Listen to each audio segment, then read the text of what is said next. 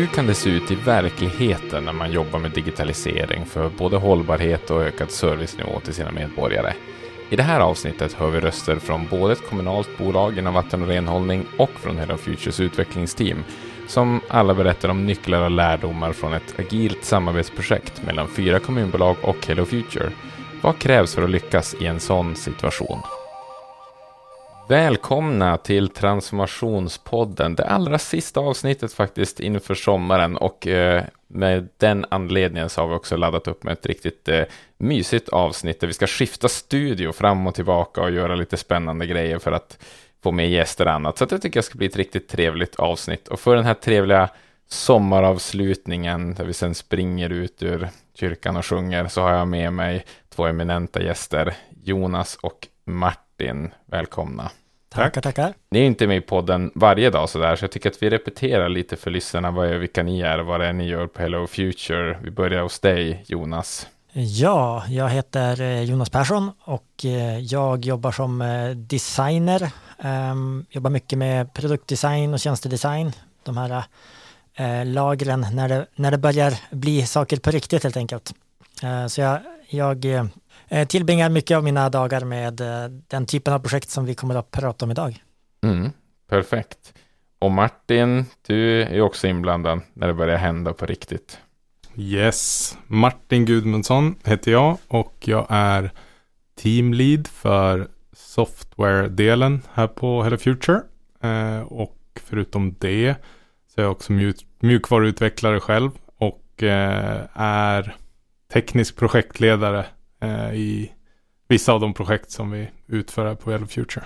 Precis. Och eh, som ni hör, eh, lyssnare, så är det åt det hållet det drar med teknik, utveckling och eh, digitalisering och sådana här saker som vi älskar att få eh, konkreta och bra exempel på hur går det till och eh, hur lyckas man egentligen från idé till ett sorts genomförande. Det är det vi kommer komma in på idag när vi ska prata om renhållningsappen och det här projektet som jag är lite lockad att introducera, men jag ska inte göra det, för att jag vet att vi har en annan studio som på teknikens magiska vägar står redo att eh, prata om det här. Vi ska faktiskt få lyssna till eh, dels min eh, kära podcastprogramledarkollega Johan, när han pratar med dig Martin, och yes. eh, våran gäst då, Joakim Zackrisson från Tekniska verken i Kiruna, eller Kiruna. Det, det, här är en, det här är en del då av den här eh, extra sommaravslutningen, att vi får höra den härliga nordnorrländska dialekten som jo, Joakim bjuder på här. Det tycker jag i alla fall jag är supermysigt. Eh, så vi ska lämna över till den studion för att eh, eran trio då ska få prata om det här projektet, den här renhållningsappen som vi har gjort då eh, Eh, tillsammans med Tekniska verken i Kiruna och några andra kommunbolag då. Så att jag säger inte så mycket mer än att jag lämnar över till vår andra virtuella studio och så återkommer vi här om en liten stund för att fördjupa oss i det här projektet. Så take it away Johan. Då får jag hälsa Joakim Zackrisson och eh, Martin Gudmundsson in i poddvärmen här för en eh, intervju kring renhållningsappen. Ni nickar Mm, tack så mycket. just som det, man, man gör, prata ja. ja just som, det, man, det är som, det. som man gör uppifrån Kiruna där, där du sitter Joakim. Eller hur? Precis, precis. Nickar instämmande. Nickar instämmande. Martin, du äh, behöver ingen äh, direkt äh, introduktion just nu, men Joakim, du jobbar på Tekniska verken, sitter i Kiruna så att säga, men berätta lite grann, vem är du och hur tog det dig dit du är idag i det här samtalet? Eh, precis. Joakim Zackrisson eh, jobbar på Tekniska verken i Kiruna och har gjort det egentligen sedan 2007. Eh, så ja. har, har varit anställd här i bra många år. Eh, haft lite uppehåll för studier och sånt där. Fått förmånen att faktiskt prova på lite olika roller också inom mm. bolaget. Mm. som har gjort att man har, man har som kunnat hålla gnistan uppe. Eh, och nu på senare år jobbar jag som verksamhetsutvecklare med fokus på UX, IT, digitaliseringsfrågor.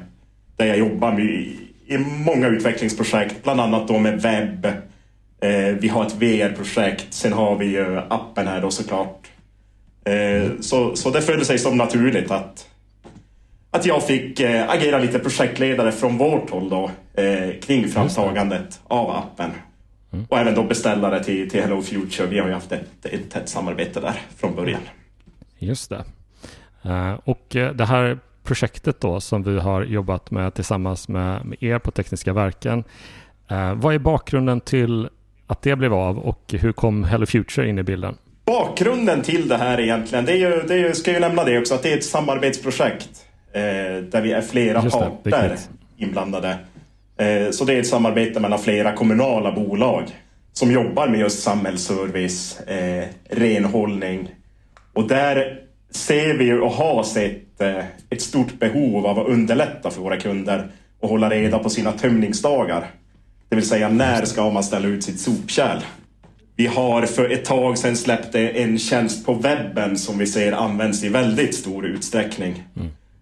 Och därav kläcktes väl idén egentligen att varför inte mm. göra en app utav det här?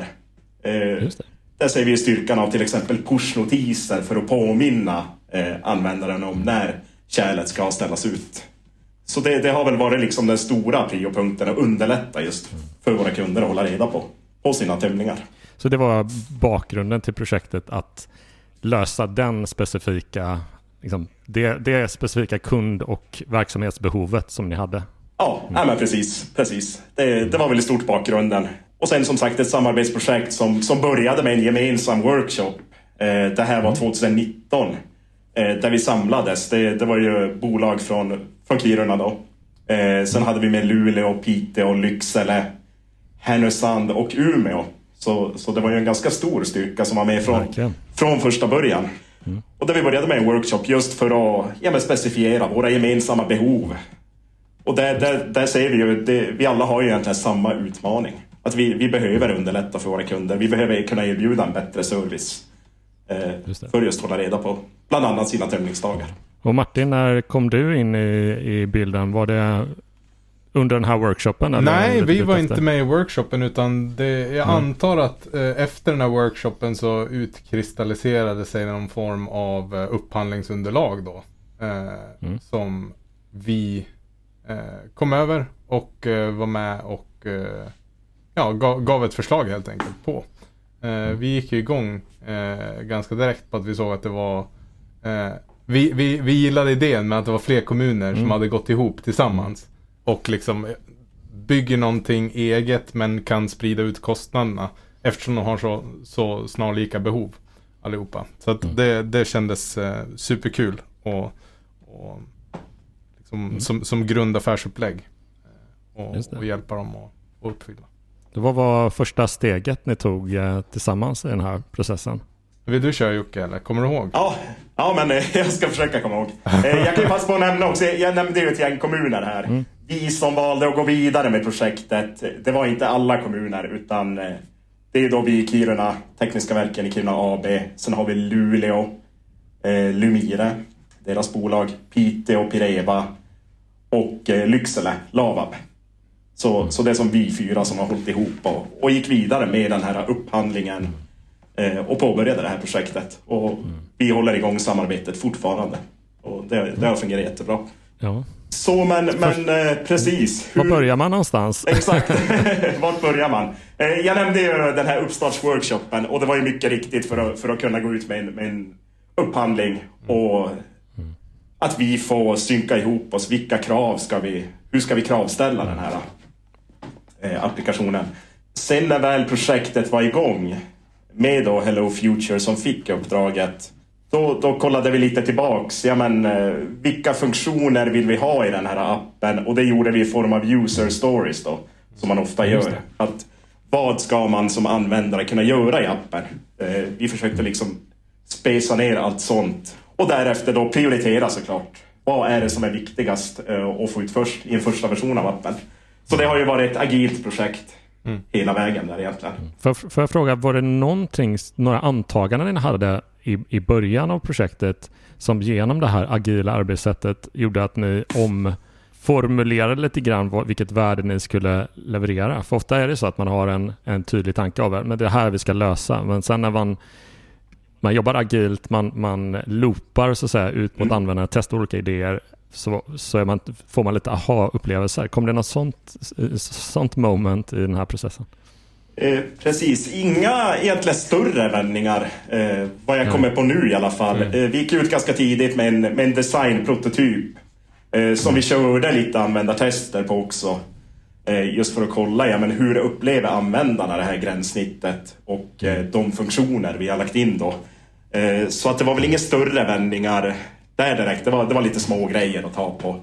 Eh, Nej men det var ju, det var ju mycket tack vare liksom det förarbetet som ni hade gjort också med upphandlingen. Den var ganska tydligt liksom genomtänkt. Och samtidigt så kom ju vi från Hello Future in också med erfarenhet av att ha gjort en väldigt liknande tjänst. Eh, som heter avfallsaffären till Skellefteå kommun.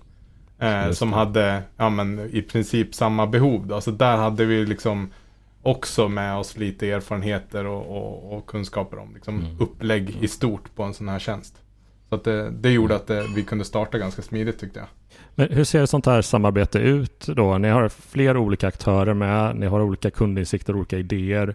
Martin kommer in med sitt team eh, och så ska man jobba fram så att det faktiskt blir någonting som, som man kan använda i slutändan. Kan du berätta lite grann om hur, hur, hur, hur tar det sitt uttryck där? Hur ni, hur ni jobbar tillsammans för att få det här riktigt bra resultatet? Eh, precis, det var ju som sagt agilt projekt där vi hade täta avstämningar tillsammans med er på Hello. Future. Eh, för att säkerställa att vi, att vi fokuserar på rätt saker. Och det var ju upplagt i sprintar då. Nu tror jag att det var tre veckors sprintar vi körde kanske. Eh, Någonting sånt. men då, då har vi liksom avstämningar var tredje vecka för att, för att kolla. Ja, men, vad är det som är gjort? Vad kommer vi jobba på härnäst? Så att vi hela tiden håller, håller det uppe. Eh, och däremellan körde vi även, vi bolag tillsammans, eh, hade också lite avstämningar. Just för att säkerställa att vi, vi jobbar liksom mot ett gemensamt mål. För, för det var ju viktigt att, att vi liksom håller ihop och, och vi alla ser liksom, ja, att vi uppfyller våra, våra behov. Nej, och det, det tycker jag eh, märktes verkligen. För att det har, det har varit ett otroligt smidigt eh, samarbete trots, som ni säger, att det är fyra olika parter. Så har ni liksom, ni har lyckats samspela väldigt bra där. Och eh, det, till, delvis är det ju på grund av liksom, ja men den planering, gemensamma planeringen som vi gjorde och prioriteringen där man har möjlighet till diskussioner och liksom avvägande och sådär. Men, men det hjälpte ju säkert att ni hade interna avstämningar också där ni liksom såg till att ni höll, höll rätt kurs i stort. Liksom. Stötte ni på några större utmaningar i det här? Nå- någon gång när det liksom kom in i en vägg och kände att det- här är, det här är svårt. Hur löser vi det här? Och hur löste ni det då? Eh, precis. Utmaningar, eh, det är ju som, som alltid höll jag på att säga, men, men det är ju när man ska integrera mot, mot andra Jag system. tänkte precis säga det. Ja, ja just det. Nu lyckligtvis körde vi ju alla samma verksamhetssystem. Så, så att det, det var ju egentligen en och samma integration mot alla bolag. Men, men eh, just integrationer, det är ju alltid något som, som drar ut på tiden och kostar pengar. Det, det är ju sällan billigt att, att göra sådana kopplingar. Eh, Eh, så att det var ju en utmaning och, och det tog ju mycket tid också innan vi fick de bitarna på plats. Det är en förutsättning för att appen ska, ska kunna hämta ja, men kunduppgifter, hämta tömningsdagar och, och allt sånt där från våra verksamhetssystem. Så att nödvändigt arbete men utmanande också. Hur lång tid tog det mellan att ni satte igång 2019 tills appen var live och ni kunde se att det här fungerar ju faktiskt? Eh, precis, 2019 då hade vi uppstartsworkshopen. Sen, sen eh, behövde vi ju lite tid där för upphandlingen. Eh, jag vill minnas att samarbetet med er på Hello Future drog igång tidigt 2021. Där någonstans. Och appen lanserade vi i maj 2022. Så cirka ett, ett och ett halvt år. Där någonstans. Från det att vi påbörjade tills vi lanserade en första version av av appen. Vad, vilka effekter har ni sett eh, sedan den här var live? Den här tjänsten?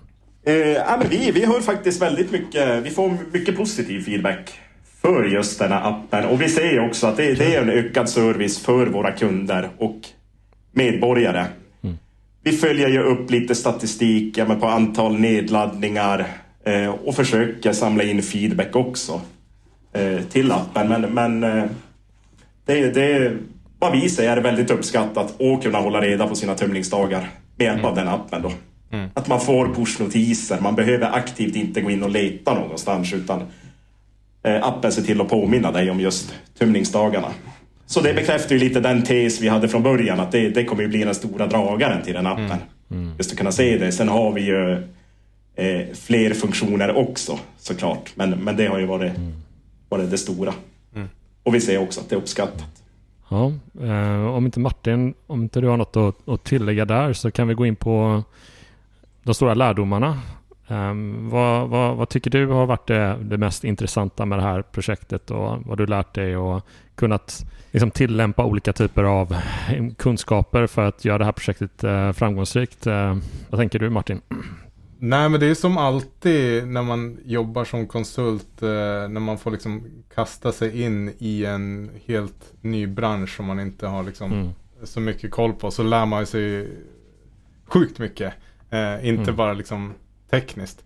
Nej men det, det är väl, eh, det, från ett tekniskt perspektiv tycker jag en, en av funktionerna som vi har i appen eh, är att eh, för eh, det är inte alla som har det här ändå, men, men eh, Pireva har mm. grindar som går att öppna utöver öppettider. Mm. Genom att Tidigare var det genom att man skulle skanna ett körkort vid liksom, grinden. Eh, men det fanns mm. också en funktion som vi kunde bygga in i appen där man kunde identifiera sig med BankID för att öppna grinden. Och då liksom att, att göra mm. en sån kontroll, se till att personen i fråga med sin mobiltelefon är där den bör vara för att öppna mm. eh, rätt dörr och så vidare. Och det var en, en, mm. teknisk utmaning som var ganska rolig att ge sig på. Så. Sen eh, mm. Sen det roligaste i alla de här projekten tycker jag nästan det är att tänka liksom vad, vad kommer härnäst och, och vad finns det för möjligheter framöver nu när vi har det här på mm. plats och i händerna på invånarna. Vi har, vi har varit inne och nosat i, i många spår men kring liksom eh, hur kan vi hjälpa kommunernas invånare att bli bättre i allmänhet på att källsortera mm. och att eh, liksom dra ner på mängden sopor. Vi har ju liksom en, en kanal att på något sätt hjälpa till att påverka. Just det. Eh, be och nosa lite på vattenkonsumtion och sånt också. Om man kan få in sånt kanske i, mm. i den här appen som är liksom en, en annan del som, som Joakims och, och, och de andra kommunernas bolag ansvarar för. Eh, det är ju jätteintressant. Det blir en bra segway in till uh, vår, min, min sista fråga som jag tänkte skicka till Joakim. Vad ser du, vad, hur ser eh, horisonten ut för det här arbetet nu? Vad, vad blir nästa steg och vad är förhoppningarna på att det här ska utvecklas till? Martin har nämnt lite grann här, eh, lite teasers kan man säga. Mm. Ja, men exakt, exakt. Eh, lite som Martin också var inne på, just den här uh, hållbarhetsaspekten, den, den är ju såklart viktig mm. från vårt håll. Eh, där har vi ju, I dagsläget har vi fokuserat väldigt mycket på just eh, renhållning, avfallstjänster mm. i appen. Eh, som jag nämnde tidigare med tömningsdagar. Eh, sen har vi ju även en sorteringsguide. Vi har en kartöversikt där du kan se din närmsta återvinningsstation eller återvinningscentral. Eh, mm. Du kan göra lite enklare beställningar och sånt i appen också. Kopplat till, till avfall, renhållning. Men ett naturligt nästa steg som Martin också nämnde, det, det, är väl eh, just att koppla på fler verksamheter i appen. Mm. Där har vi ju vatten, att kunna se sin vattenförbrukning till exempel. Eh, ser vi ju ett värde utav. Eh, eller fast fjärrvärmeförbrukning. Också många kunder som, som har det behovet och, och kunna följa upp, ja men hur förbrukar man i hushållet? Mm. Eh, och därtill skulle man kunna koppla på lite ja, men tips hur man kan hålla nere sin förbrukning Eh, också visa felkoder. Ser vi några större variationer i förbrukningen då skulle vi med, med hjälp av appen kunna varna att ja, men, det kanske är en läcka någonstans eller det, det är någonting som, som avviker från det normala. Mm. Och sen ett nästa steg för oss i Kiruna, det är, det är också det här som eh, de kör i Piteå bland annat, OVC Anytime. Mm. Eh, just att man med appen ska kunna ta sig in på en återvinningscentral eh, vilken tid som helst på dygnet. Det. Mm. Så det är någonting vi, vi också kollar på och, och vill få ut eh, i appen på sikt. Att man till, till exempel via en QR-kod i appen kan skanna in sig på anläggningen. Mm.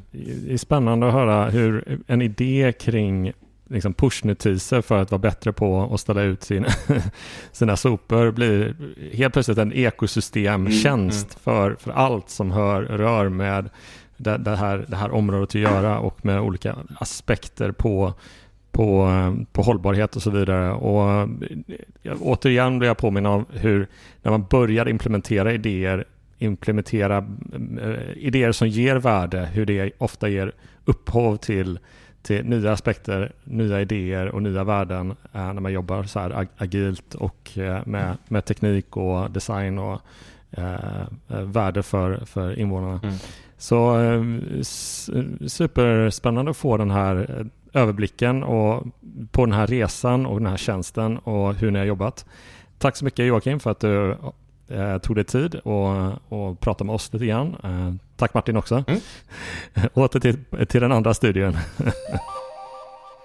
tackar, tackar. Då är vi tillbaka i den andra virtuella studion igen när jag sitter här med Jonas och Martin.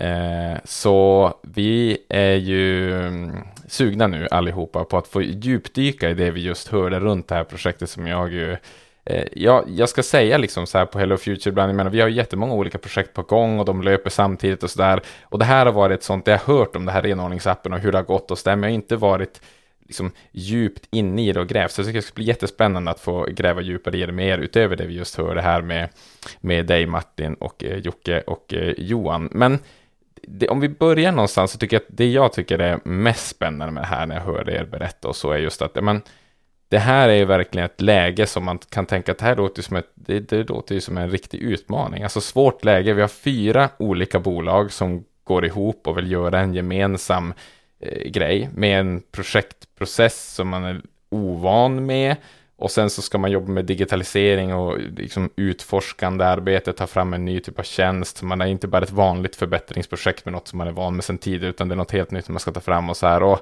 det är ett utmanande läge helt enkelt. Så att om vi börjar hos dig, Jonas. Vi har ju hört Martin resonera lite kring det och Joakim inte minst var, men Jonas, ur ditt perspektiv, vad var det som gjorde att det här kunde ros i land och, och blev lyckat och fortsätter också att uh, vara lyckat, ska jag säga. Det finns ju som vi hör planen här för inordningsappen framöver, men mm. vad säger du Jonas? Uh, ja, uh, absolut. Det, det, är ju ett ofta har man ju som sagt en beställare som kanske uh, är, i liksom, är i en fas uh, sådär. Här hade vi fyra beställare som var i lite olika faser. Um, mm mycket eh, tror jag eh, handlar om, om att våga eh, ha många, många möten där man kan ställa de dumma frågorna till varandra. Eh, mm. Både från vår sida och från deras sida. För dem, för, för dem var det här också liksom helt nytt. Hur, hur utvecklar man det här?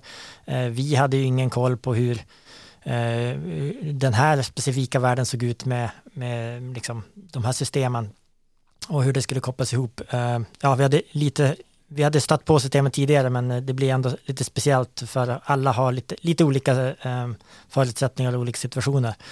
Eh, mm. Så för mig var det väldigt mycket en fråga om att få um, möten där egentligen alla fick sitta med, allt från tekniker till kommunikatörer till jag som designer och så vidare, att vi kunde sitta tillsammans och få lyfta alla, alla slags frågor eh, tidigt. För eh, det, det, blir, det blir mycket bättre om man får liksom, eh, hålla, hålla varandras händer eh, hela vägen.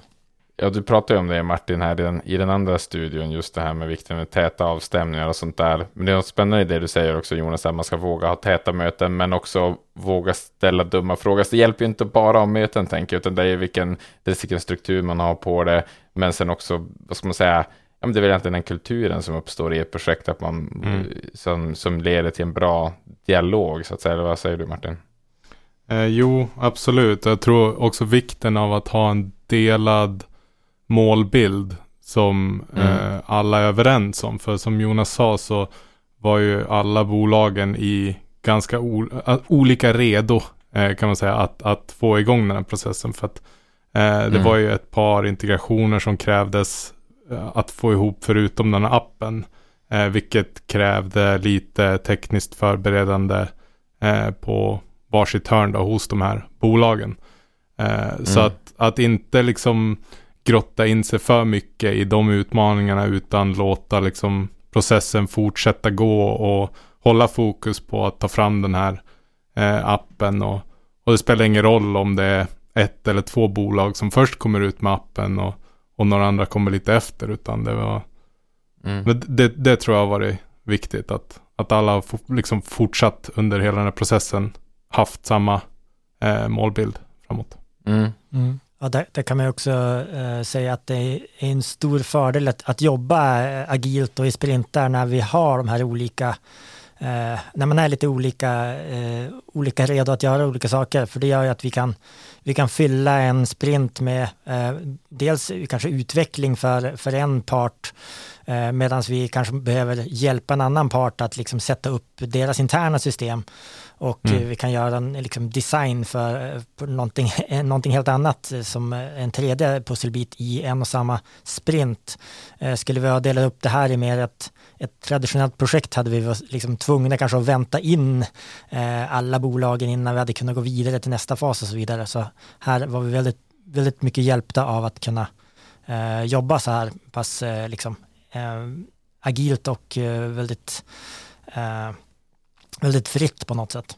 Mm. Det där är ju jättespännande. Jag tänker att eh, om, man, eh, om man sitter på en kommun eller i ett bolag så i det här fallet och så tänker man att ja, men det är ju precis det. Vi, vi, skulle kanske kunna ha ett gemensamt behov med den eller den parten och gå ihop och göra någonting liknande som här gjort. Men, men är vi redo för det? Är vi tillräckligt redo? Och, och som du sa Martin, ja, men man är olika mogna och så, men ändå då tillräckligt mogen eller tillräckligt redo för att dra igång en sån här process. Så att någonstans måste det finnas en samsyn kring någonting. Men då var du inne på, ni var båda inne på där att ja, men det är målbilden kanske av vad det är man ska få ut, men, men hur ser den ut då? För man vet ju inte, målbilden ska vi väl förtydliga här, det är ju inte att man har ritat färdigt hur appen ska bli och så, utan vad, vad består den här gemensamma målbilden eller behovsbilden av som gör att man ändå kan förenas? Liksom, vad, I det här fallet, vad, vad hade ni när ni, ni drog igång rent konkret så?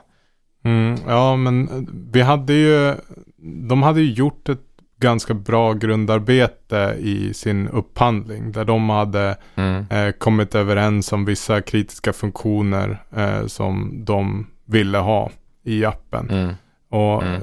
ju mer liksom sådana eh, större eh, delmoment desto, desto mer helhetligt blir det på något sätt. Även om man inte vet alla detaljer så har man liksom eh, fyra, fem eller sex eh, behov som man, som man vill ha en lösning på så kan de tillsammans ändå bli en nog tydlig målbild. Även om man inte riktigt vet hur man ska lösa de problemen. Mm. Och då pratar vi behoven utifrån Joakim nämner ju det här i, i inslaget kring sådana här user stories och så mm. då, som ju är en del av den här metodiken vi har i, i uppstarten. Jag vet inte om du vill för, fördjupa lite det Jonas, hur, hur använder man sådana i, i, i det här fallet då för att, för att komma igång? Och det är väl för att liksom specificera de här behoven lite grann kan man säga. Ja, precis. Uh, en, en user story är egentligen ett, ett sätt att uh, beskriva ett uh, ett önskat utfall lite grann ur ett användarperspektiv. Eh, det vi, mm. det vi vill åt är att vi ska på något vis fånga eh, vad är det de vill göra då, snarare än att beskriva den specifika funktionen. Eh, för funktionen kan ju när vi börjar liksom arbeta med, med problemet se lite olika ut beroende på, på vad vi kommer fram till. Så, så tanken med user story är att den ska vara ganska så här eh, agnostisk i, sitt, eh, i hur den är. Liksom. Eh, vi har egentligen inte beslutat för exakt hur den eh, kommer att se ut. Ja, men precis. Det, det är ett behov som uttrycks, det är från användarens, eh, ur användarens perspektiv och det sammanfattar vad det vill kunna få ut och så, men man har inte, man har inte specificerat ner exakt vad det innebär för funktion eller så, utan eller visuellt hur det kommer, utan det är det som är en, en del av utforskaren då. Hej, Jenny här. Jag jobbar på med träningslägret för innovationsledare som vi kör i Skellefteå i september. Så jag vill bara berätta lite om vad vi planerar. Med den här tredagarskursen vill vi göra dig tryggare i din roll att driva på utveckling och leda andra i innovationsarbete och har verkligen funderat på vad som krävs för det. Vi möter många som har koll på tjänstedesign och är vana med utforskande användarcentrerad metodik. men ändå är rollen tuff. Som innovationsledare ska du skapa samsyn i din arbetsgrupp, få med dig ledningen, du ska kunna guida från testat koncept till implementation. Och det kräver systematik, och det kräver mod, och det kräver erfarenhet av att göra och träna på allt det här svåra. Och det är vad vi tänker göra under dessa tre fullpackade dagar. Anmälan är just nu öppen, men stänger 30 juni. Så säkra din plats idag. Följ länken i beskrivningen av poddavsnittet för att läsa mer och anmäla dig. Eller surfa till hellofuture.se så hittar du en länk till träningslägret på startsidan. Det kommer bli så spännande. Vi ses! Nej, men det, det, är jättespännande att se hur det lyckas då. Så att då, då börjar ni att identifiera de viktigaste behoven i det här fallet, an, antar jag på något sätt att det här är de viktigaste vi löser. Och så börjar man utveckla dem då sprint för sprint som Joakim nämner här egentligen. Och det är som då korta liksom, delstötar i ett projekt. Man bestämmer vad ska vara gjort till nästa gång och så utvecklar mm. man det. Och så ser man vad man, har, vad man har löst och så lägger man pusslet bit för bit. Men kan ni fördjupa det? Det är lite spännande att då blev det egentligen så att de olika parterna som var inblandade i det här projektet fokuserade på, de hade lite olika uppgifter för varje sprint och beroende på mognadsgraden. Eller eh, ja, kan ni berätta lite mer hur, hur, hur det funkade då, att ändå dra olika parter som var på lite olika nivå då? Jo, men absolut. I ett sånt här projekt, när man kommer till liksom att nu ska vi börja utveckla en digital tjänst, då så blir det såklart mest eh, tasks till oss då på på, som, som utvecklar appen. Men, men sen så finns det de här delarna som att se till att förutsättningarna i deras IT-miljö är redo att kopplas ihop med den här appen. Och då gjorde vi egentligen så att vi, vi gjorde precis likadant som vi gör user stories för, för våra eh, delmoment då, som vi har på utvecklingssidan så gjorde vi sådana för kunderna. Så att de, de fick som mm. en, en varsin, ett varsin kort eh, som vi kallar det. Där det stod då beskrivet vad det var de hade för puck och, och gå vidare med då.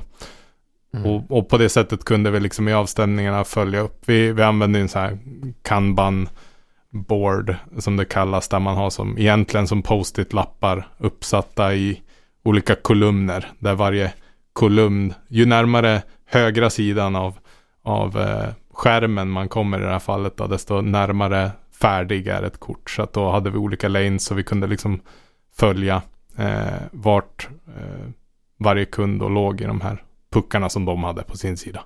Eh, för er som inte, ni ser ju inte det jag ser, men Martin sitter och ritar upp lite med händerna och hör nästan de här olika kolumnerna och så i projektet. Men det, det, nyckeln som man kan ta med sig är att det, det, är väldigt viktigt med de här, faktiskt, de här visuella verktygen för att se vem är det som gör vad, att det återkopplas. Alltså det är ju en del av den här eh, kommunikationen eh, inom ett projekt, att det faktiskt är visuellt tydligt. Vad är det vi just har kommit fram till på det här mötet? Eller vad hände egentligen? Jo, det, det som hände nu var att några kort åkte någon kolumn till höger och sådär. Alltså det, det kan ju tyckas fånigt, men har man varit med i projekt som är lyckade av den anledningen så vet man ju kraften i det. Istället för att alla satt och stirrade in i ett Word-dokument och så hamnade några ord där och så begrep man inte riktigt vad, vad har vi fått ur oss och vad har vi tagit några framsteg. Definitivt. Och det, vi, vi kanske tar det lite för givet eh, eftersom vi är så vana att jobba i sådana här typer av verktyg. Eh, men det mm. är sjukt viktigt att hitta ett, någon form av sånt eh, enkelt visuellt verktyg att jobba kring. För då, det blir så mycket enklare då när man sitter liksom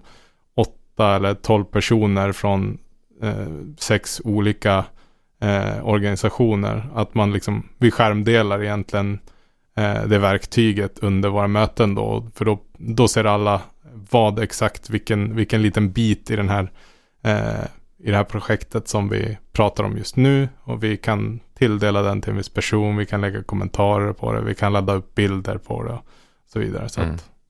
Men om vi backar bak lite då, det, det går ju att fördjupa så mycket som helst i den exakta metodiken här, men vi hör ju ändå trots den här snåriga situationen så lyckades ni navigera fram och all, alla var med på banan, alla blev nöjda med slutresultatet. Eh, och det pågår ju fortfarande som sagt, det ska ju tas vidare renhållningsappen, men eh, trots de här olika, lite skillnader i behov och olika utgångslägen och sådär. Och om man bara backar då, så det finns ju någonting intressant här som jag vet att du också har lite resonemang kring Martin, där med just bara hur eh, det finns någonting kanske att lära sig här, hur man eh, på, på det stora hela kanske köper in sådana här typer av tjänster och löser sådana här IT-frågor i, i kommuner, i kommunbolag och sådana här grejer. Att det, det går ju faktiskt att lösa det på andra sätt än de kanske är traditionella sätten att köpa upp stora IT-lösningar och så. Jag vet inte om du vill utveckla lite på det, men det, det finns ju någonting här att lära sig. tänker Jag. Ja, men jag, precis. Jag känner också att det finns någonting eh, i, i mig, eller hos mig och hos oss att lära oss om det här. För att, och jag, jag tror jag pratade lite om det också i, i den förra, förra klippet som vi lyssnar på. Eh, men just det här att, att tänka om lite när det kommer till eh, upphandla it-verktyg i offentlig sektor. För jag tycker det är väldigt mycket eh, en upphandling kommer ganska eh, ett ganska sent skede ut där den är ganska hårt spesad vad det är för någonting och antagligen har man redan kikat på eh, något eller några system som man vill upphandla och så upphandlar man det och så fyllde det kanske 80% av behoven och nu är man helt inlåst i det här systemet och det är svårt att integrera mot andra system som man kanske eh, behöver i, i framtiden utan istället se på vad det finns för andra aktörer som har samma behov som mig och se om, om vi inte kan gå ihop och då kunna ta en, en högre initialkostnad som det såklart är att utveckla någonting eget. Men att eh, på det, i det långa loppet få, få ett större ägandeskap över det man utvecklar, någonting som håller över tid eh, och som man själv har kontroll över som offentligt bolag då, i det här fallet. Det kan ju vara privata bolag också. Men så att, och, och att man ser till att man har alla möjligheter att eh, ja men dels att man äger sin egen data och att man kan integrera det här mot eh, x antal system framöver utan problem och utan, att, utan att behöva oroa sig om att jag har någon form av licens mot ett eh, system som jag inte själv äger. Mm. Så att jag tycker det är jättespännande att tänka liksom nu, ja men nu har vi, nu har de här fyra eh, renhållningsbolagen gått ihop och och byggt den här tjänsten. Men det finns ju betydligt fler eh, renhållningsbolag i Sverige som har exakt samma eh, IT-infrastruktur i princip när det, när det gäller vad, liksom hanteringssystem för eh, sophämtning och så vidare som, som ganska enkelt skulle kunna jacka in i exakt samma app. Och hur skulle en liksom affärsmodell kunna se ut då om man tänker att det är inte vi som utvecklingsbolag som äger den här tjänsten utan det är renhållningsbolagen som äger den här tjänsten och kan dela på den gemensamma kostnaden som, som det faktiskt är att, att underhålla och utveckla den här vidare. Så att ju fler bolag som går in i det här desto, desto bättre affär blir det för,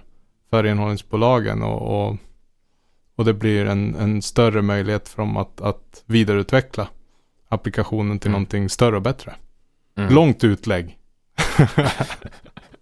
jag, kan, jag kan flika in lite där runt det här med att eh, förutom att man äger sitt eget system så kan man också, tror jag, äga sin egen process lite mer om man, mm. vid, om man utvecklar sitt eget system. Eh, mm. Jag brukar eh, jag brukar tänka på alla den här typen av, av projekt som vi gör som kanske inte som projekt utan mer som att man, man ska odla någonting nästan. Det vi gör här är att vi ska bygga upp någonting som ska hålla över tid. Det ska inte vara liksom ett projekt som tar ett halvår att göra och sen ska vi förvalta det i fem år. Eh, utan tanken med den här typen av, av processer är att de ska kunna ja, fortsätta att utvecklas. Vi, vi släpper en ny funktion, vi får lite feedback från användarna, vi eh, skruvar på någonting, vi ser att eh, det dyker upp nya möjligheter och så vidare. Eh, och att kunna jobba så under en lång tid gör ju ofta en produkt otroligt mycket bättre än att man eh, gör de här eh, liksom klassiska vattenfallsupphandlingarna och eh, sitter där med ett, ett färdigt system. Mm. Ja, det är det där skiftet som vi ser att fler och fler behöver kliva in i, att man på något sätt, ja, det här att bli en, en, en tjänsteägare eller en produktägare och, och, och mm. tänka, tänka långsiktigt. Jag skulle tro att de flesta som lyfta, lyssnar har varit med om ett eller annat för många sådana exempel på något som är mera projektbaserat som dyker upp, lever under några år och så finns inte den här odlingsplanen då. Hur ska vi ta hand om den här rabatten i åratal framöver? De här blommorna kommer ju tillbaka varenda år. Nu är det dags att klippa och justera i utbudet. Eh, ja, men det kanske är en bra ingång också till att prata lite grann sådär framtidsmässigt. Nu börjar vi vara inne och eh, du nämnde ju kort det också i andra studion Martin kring att vi också hade ett eh, erfarenhet av ett, eh, vad ska man säga, renhållning och avfallsprojekt innan det här och sen så har vi jobbat vidare Mm. med renhållningsappen så att eh, vi börjar ju bygga på lite erfarenheter och tankar. Vad, hur, hur, hur ser ni framför er nästa steg med det här och allmänt liksom inom den här nu när vi ändå har jobbat en hel del med digitaliseringen det här området. Om vi börjar hos dig Martin, vad, vad känner du dig sugen på som ett som nästa steg och framtida möjligheter här inom det här området? Eh, nej men det är ju som, som eh, det Jocke sa i slutet på klippet också. Just det här med eh, vattenmätning. Att, att få in det i appen också. För att det är ju många renhållningsbolag som också har eh, vattenansvaret i, i kommunen. Eh, Mm. där, de, där de ligger. Så att, och kunna liksom ta vattenanvändning till en, en ny digital eh, nivå på något sätt. För jag har ju som alltid, eh, och det, det har väl alla varit med om, liksom att man har den här analoga mätaren, den här stora klumpen där, där vattnet kommer in i huset som har någon spännande tickande siffra. Eh, Mm. Som man en lite gång om året ska liksom, ja men precis. En gång om året ska, ska man gå dit i mörka rummet med ficklampa och läsa av det där nya numret och skicka in en blankett eller fylla in något formulär på, på kommunens eh, webb. Eh, så jag tycker det skulle vara superspännande att kunna få en modernisering där, där användarna kommer liksom kunna se sin eh, vattenförbrukning dagligen i, i de Mm. bästa fallen. Liksom. Det, det skulle Mm. vara jättehäftigt. Ja, Jonas, vad, vad sätter du och drömmer om för, för funktionaliteter? Mm. När du drömmer om renhållning och vatten och sådana här saker som jag vet att du gör. Ja, nej men eh, eh, dels är ju va- vatten är ju jättespännande. Det är först när vi, när vi har den typen av lite mer, lite bättre data än en gång per år om vi säger så. Det är först då vi kan börja jobba med eh, ja, men, beteendeförändringar och liknande runt vatten och vi ser ju att eh, klimatförändringarna gör ju att det blir mer och mer torka och grundvattenbrist och liknande och jag tror det kommer att vara en, en stor sak för, eh, för vissa kommuner att mm, behöva jobba betydligt eh, mer proaktivt med eh, eh, runt eh, liksom vattenanvändningen. Mm. Eh, Så den, den går jag också igång på, Eh, kanske Mm. inte så mycket tekniskt däremot. Eh, Sen eh, finns det ju jättemycket, appen i sig är ju, har ju liksom basfunktionerna, eh, men det finns ju också där jättemycket att jobba med runt eh, cirkular, cirkularitet och liksom återbruk och den typen av saker som egentligen kommer innan vi ska börja kasta saker. Vad, vad kan vi göra med dem då? Eh, Vi kan ju har, vi, har vi basen med att vi har en app där man får veta när man ska ka- kasta saker så kanske vi kan eh, jobba ännu mer med att de inte ska ka- kasta saker också. Mm. Eh, Mm, Så där, mm. där ser jag också väldigt många eh, spännande spår som man skulle kunna jobba på eh, om, eh, om man hade liksom, eh, tid och pengar. Nej, men det, det finns just det här med när man väl har den här grunden som har byggt i det här fallet som också nu finns i samtliga de här kommunerna. När man då, eh, ja, när grunden finns, du skapar ett användarbeteende runt någon kioskvältarfunktion som i det här fallet då att kunna veta när ska jag ställa ut den där soptunnan. I, I alla fall i Peters fall i det här eh, exemplet då så kan man också checka in på det här OVC Anytime då att man kan eh, fara till återvinningscentralen eh, vilka tider som helst. Det skulle jag verkligen önska mig så att eh, är det någon på Umeå kommun som lyssnar eller specifikt då på avfallsbolaget Take notice. Jag vill jättegärna checka in med ansikte eller någonting sånt där. Det skulle vara superbra. Så när man väl har grunden och så har man ett användarbeteende att använda appen, då finns det så mycket, så mycket som är möjligt helt enkelt. Eh, det gäller bara att navigera sig igenom den här djungeln som ni just har beskrivit, att lyckas, lyckas starta upp det hela. Mm. Mm, spännande.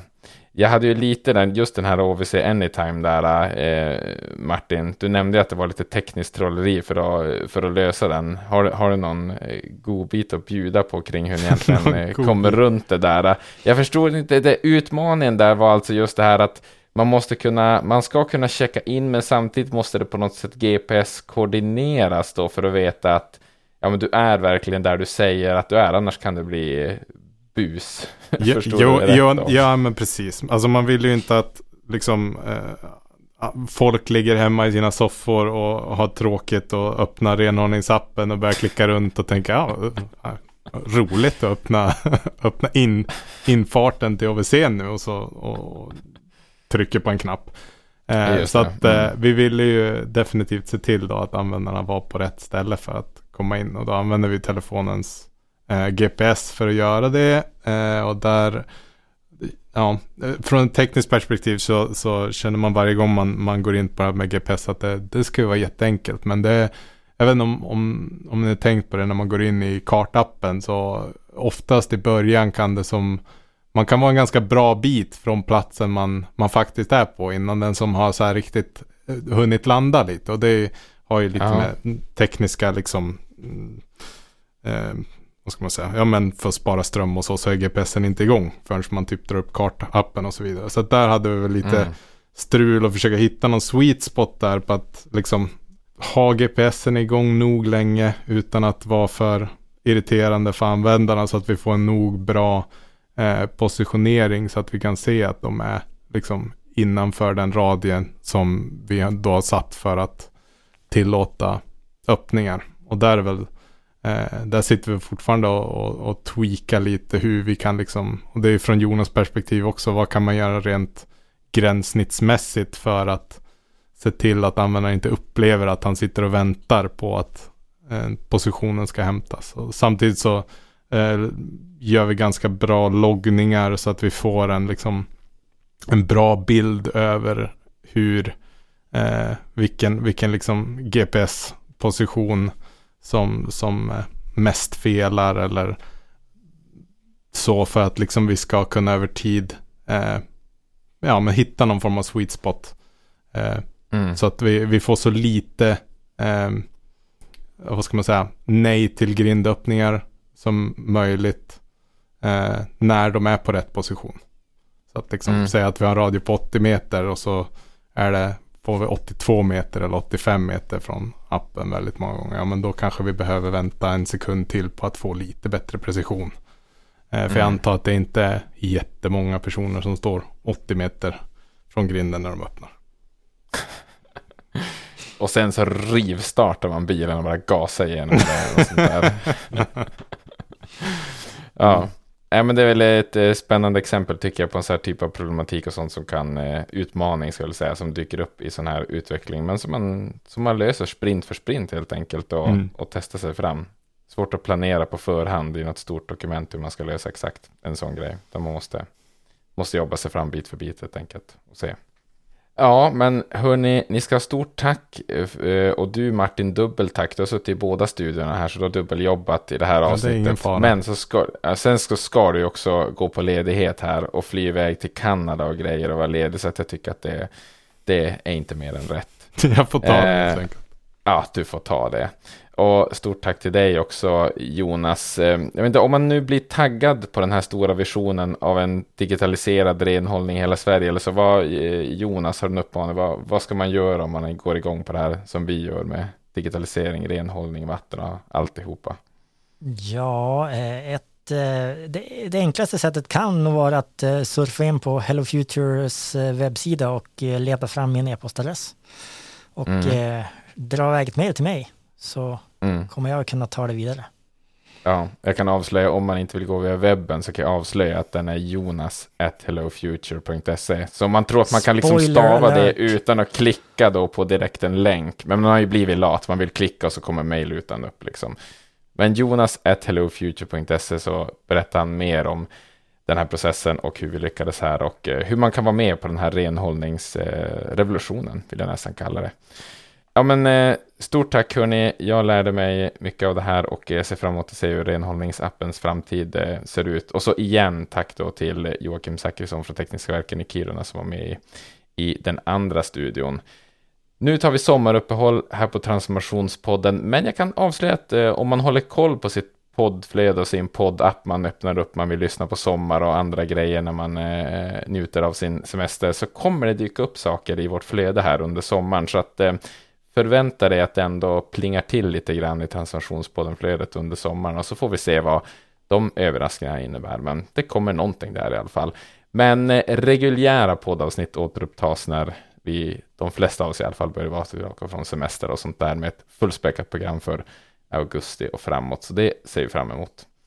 Men Martin och Jonas, tack så mycket för idag och tack till alla er som lyssnat och så hörs vi efter sommaren. Mera Transformationspodden.